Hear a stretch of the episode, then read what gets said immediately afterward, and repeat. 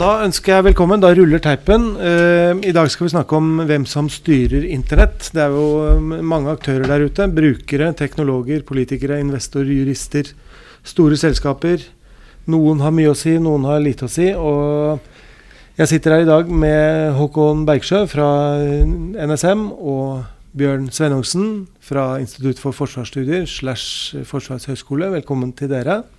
Trond Øvstedal heter jeg. Eh, er informasjonssjef i NSM. Og jeg kan jo begynne med deg, Håkon. Eh, du kan fortelle litt om bakgrunnen, kanskje? For deg selv? Jeg kan jo begynne kort litt om med meg selv. Ja. Eh, jeg har jo da jobbet med sikkerhet nå i en årrekke. Det er jo stort sett det som har vært faget mitt. Og nå har jeg gitt ut flere bøker om, om digital sikkerhet. Så nå har vi begynt på et nytt prosjekt som vi kaller Digital utvikling og internasjonale konfliktlinjer. Eh, som handler om hvordan politikk påvirker den digitale utviklingen, og, og da den andre veien, hvordan digital utvikling påvirker eh, politikken. Det å da gå bak hvordan e, internett egentlig styres, er jo eh, et av delprosjektene. Et veldig spennende. De andre delprosjektene er altså da hvordan funker kunstig intelligens når det kommer til stater, digital etikk mellom stater, valgpåvirkning, hva er det som er lov og rett i det internasjonale systemet, og hvordan styres dette i FN. Det vi, kan vi komme litt tilbake til i andre podder utover uh, våren. Men nå er det først da internettstyring. Ja. Bjørn, vil du si litt om uh, deg selv? Ja, eh, jeg jobber altså ved Forsvarets høgskole, som du riktig sa. Leder det som heter Cyberprogrammet der ved Institutt for forsvarsstudier. Jeg har bakgrunn fra utenrikstjenesten, og jeg har jobbet med, med cyber, internasjonale cyberspørsmål i, i, en del år. Fem år, vel, før jeg begynte på FHS. Mm. Nettopp. Og, eh, men eh, ja, vet ikke hvem av dere er som vil hive dere på, men eh, dette her er jo I hvert fall når jeg leser litt om, om styring av internett, så ser det ut som vi er på vei mot en regulering, og vi, vi er på vei vekk fra et anarki som dette vel var, har vært ganske lenge et veldig velfungerende anarki i så fall. Mm. Det, men du har rett i at det har vært, eh, det har vært lite reguleringer. Eh, in, altså I betydningen internasjonale avtaler og, og internasjonale um, konvensjoner og reguleringer mm. for, for, internett. Det har jo vært en, et hva skal jeg si, velfungerende økosystem av veldig mange ulike aktører, hvor staten mm. er én av aktørene, da, mm. som nå kommer stadig mer på banen. Ja. Og det morsomme er at staten er bare én aktør. Eh, det er jo mange aktører. Ja. Eh, og de, aktørene har jo egentlig blitt forsøkt definert. Eh, og, FN har jo prøvd å liksom ta litt grep om, om dette her og definere disse aktørene. Så allerede i 2003 så begynte jo FN med, det de kalte for World Summit of Information Society. og da definerte de altså hvem som får være med. Det er regjeringer, det er private sektor og det er sivilsamfunnet. Eh, og så er det som akademia har fått komme mer på. Så det er da fire aktører eh, som ja. da skal styre dette sammen. Ja. Men vi har jo vel da Vi er jo i en verden og en situasjon nå som vel kanskje mange hadde litt problemer med å se for seg da internett var nytt. Her er det jo eh, Du kan i hvert fall få følelsen av at mye drives av skurker og banditter enkelte ganger. Og, og myndigheter og de gode aktørene de har mer enn nok problemer med å henge med i svingene. Vi kan jo vi ta litt sånn, eh, si det litt sånn enkelt. da, Internett blir jo først styrt fra liksom et teknisk eh, regime. Eh, det ble, det, først ble det da teknisk, og så ble det forsøk på institusjonalisering av selvstyret. Og til slutt er det nå forsøk på å få en form for eh, global eh, selvstyre. Mm. Eh, vær så god, Bjørn. Ja, nei, altså vi, det, det, er helt riktig som du sier. Altså vi, men vi må huske på at Internett ble på en måte født på en veldig sånn unik tidspunkt i historien. Hvor, hvor uh, ja, Når ble Internett født? Eh, veldig mange regner gjerne 1983 som starten på Internett, fordi da, da krevde det som da het ARPANET, at alle nettverk som var kobla til ARPA, brukte den såkalte um, TCP-IP-protokollen. Mm. Um, men uh, det, det, var jo på et tidspunkt i hvert fall da internett ble på en måte rulla ut i verden, så var jo det på 90-tallet.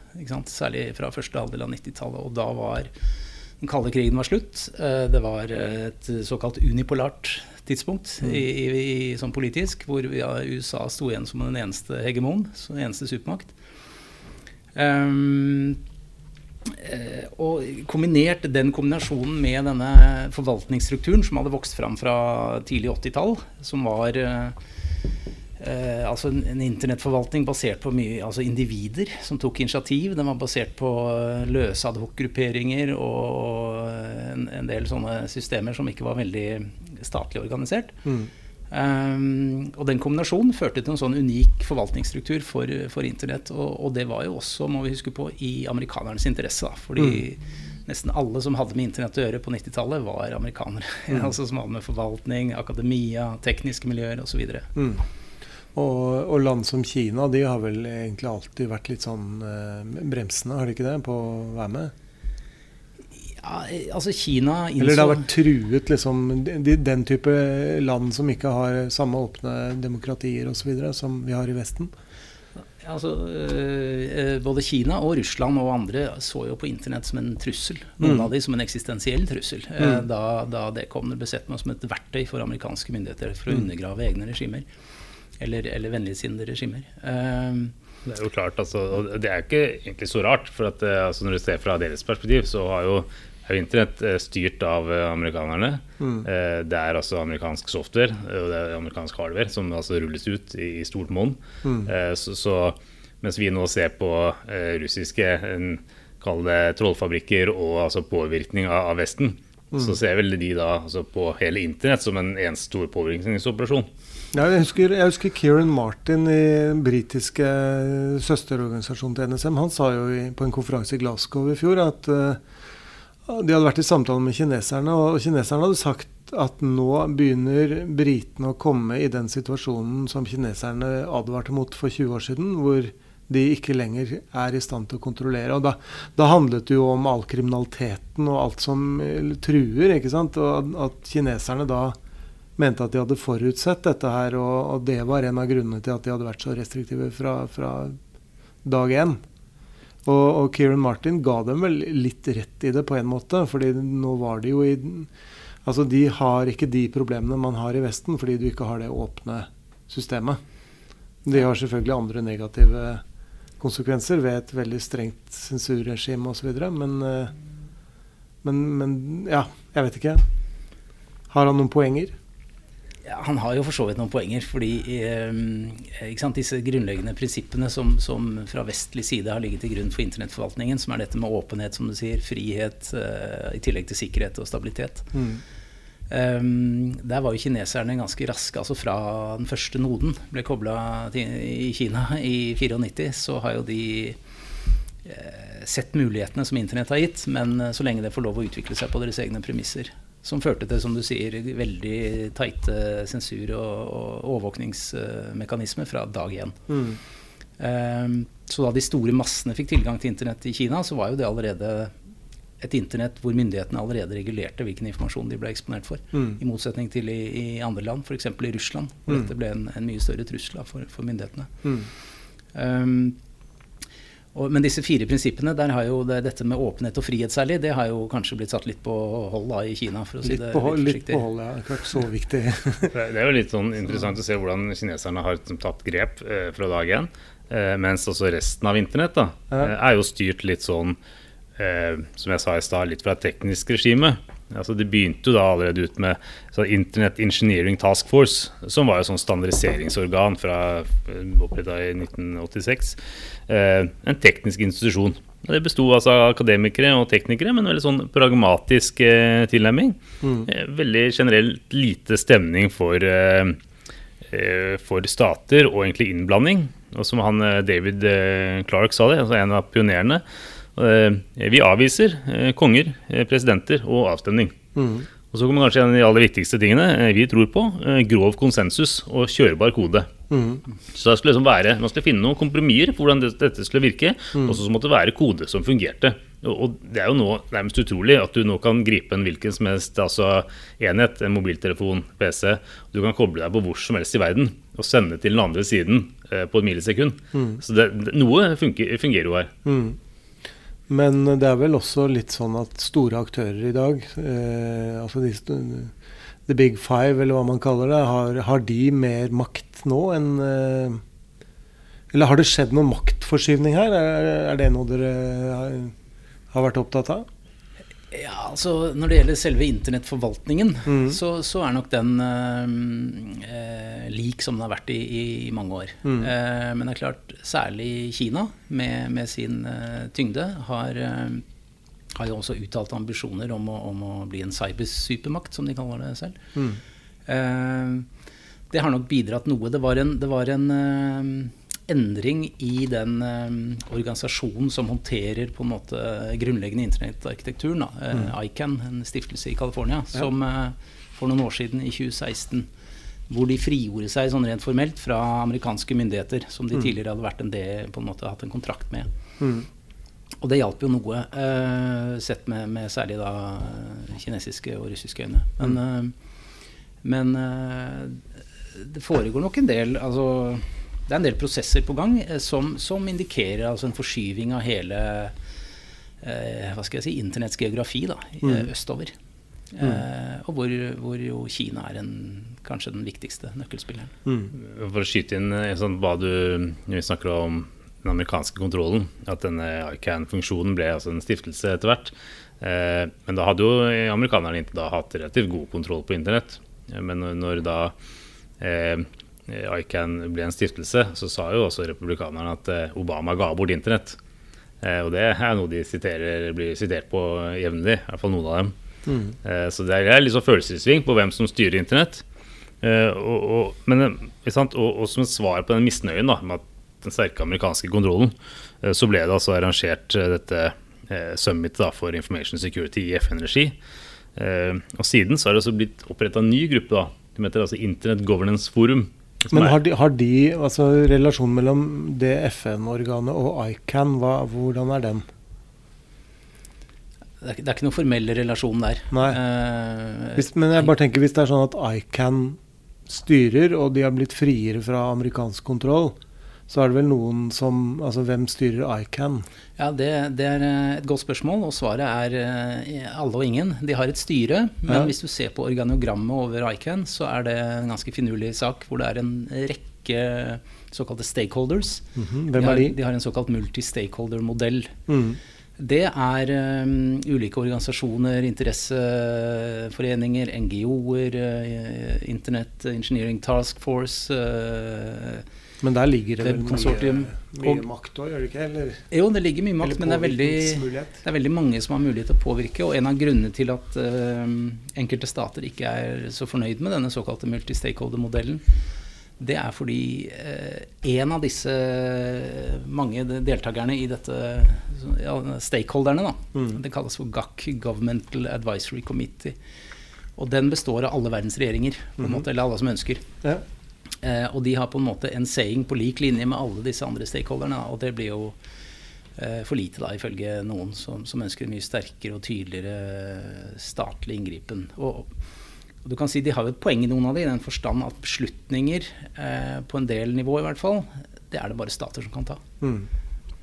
Det er jo, og dette er jo da ikke et FN-organ. Eh, og, og, og, som, og, de da landene som gjerne ønsker statlig kontroll, Eh, og ikke sånn eh, stiftelseskontroll med multi-stakeholder. De mm. vil jo gjerne ha dette inn i FN-sporet. Ja. Så det er jo flere av disse statene har nå prøvd å pushe dette inn i ITU-spor, altså Internasjonal teleunionen, mm. som da ligger under FN.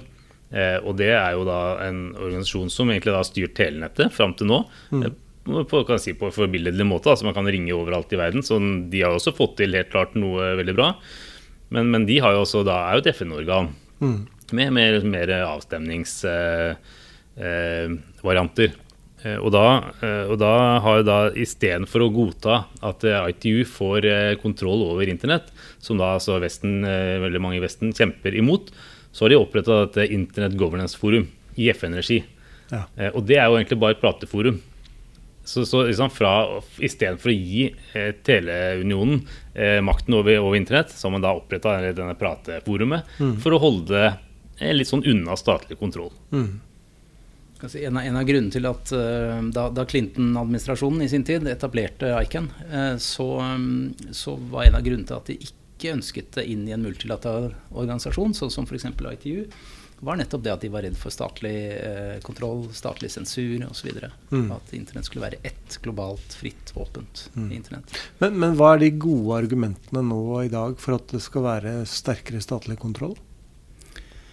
Det, det, viktigste er sikkerhet. Ja. Uh, og det er nok den veien vi beveger oss uh, sakte, men sikkert også. At en del av disse andre prinsippene, som frihet og åpenhet, ja. går stadig på bekostning av staters behov for sikkerhet. Da, fordi ja. internett har blitt så viktig for uh, nær sagt alt vi driver med. Det er klart, Internett hadde vel aldri blitt det det er i dag hvis ikke det hadde blitt oppstått på akkurat det tidspunktet, med da den amerikanske totale dominansen og liksom lagd i da eh, California, som du har sagt tidligere, Bjørn, mm. litt sånn hippiekulturen, ja. så fikk man det, liksom det man har da i dag, med en veldig sånn fritt, ja, alt tilstedeværende internett. Ja.